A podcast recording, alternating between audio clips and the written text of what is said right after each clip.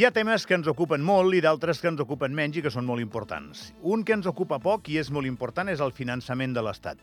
Amb més o menys dificultats, però la màquina sempre va tirant o ha anat tirant fins ara. I la gent hi dediquem l'atenció que creiem que és necessària. Això és com l'aigua i l'aixeta. Mentre em vagi rejant, no tenim massa preocupacions.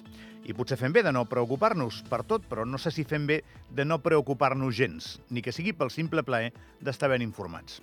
Els successius ministres de Finances, pandèmia inclosa, han aconseguit presentar sempre pressupostos viables que permetessin mantenir aquest estat nostre que des dels anys 80 ha evolucionat un munt en la direcció d'oferir cada cop més serveis i d'estar cada cop més pendent de les persones que ho necessiten. Negar aquesta evolució és absurd. Demanar més ja és eh, ideològic i és perfectament legítim, però qui pinta una Andorra únicament neoconservadora, neoliberal i desprovista de xarxa de cobertura social no fa un bon retrat. No és veritat. No som aquest país.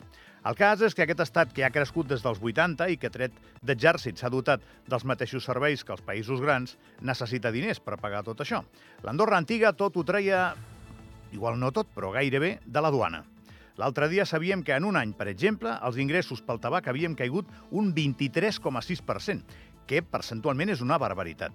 La gent fuma menys, no hi donem gaires més toms, això és així, i aquesta aparentment bona notícia per la salut mundial doncs no ho és gaire, encara que sembli contradictori, per les nostres finances públiques, que necessiten múscul per pagar el professor que ensenya el teu fill, el bomber que t'apagarà el foc de casa, el policia que et protegirà i per tenir en condicions les carreteres que transites, per les que estàs anant avui a treballar.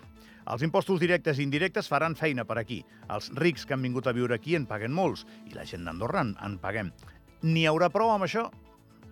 I d'aquí ve el debat del futur del país. Tot l'enrenou actual, totalment justificat, demanant un habitatge digne, té un punt de connexió amb un estat que potser ha mirat cap a un altre costat davant l'aparició de l'especulació immobiliària, sobretot els comuns.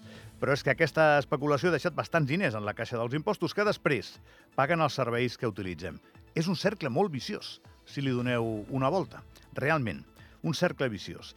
Però millor parlar-ne que no fer-ho. Els vicis estan bé, però acostumen a acabar en addiccions que t'acaben destruint.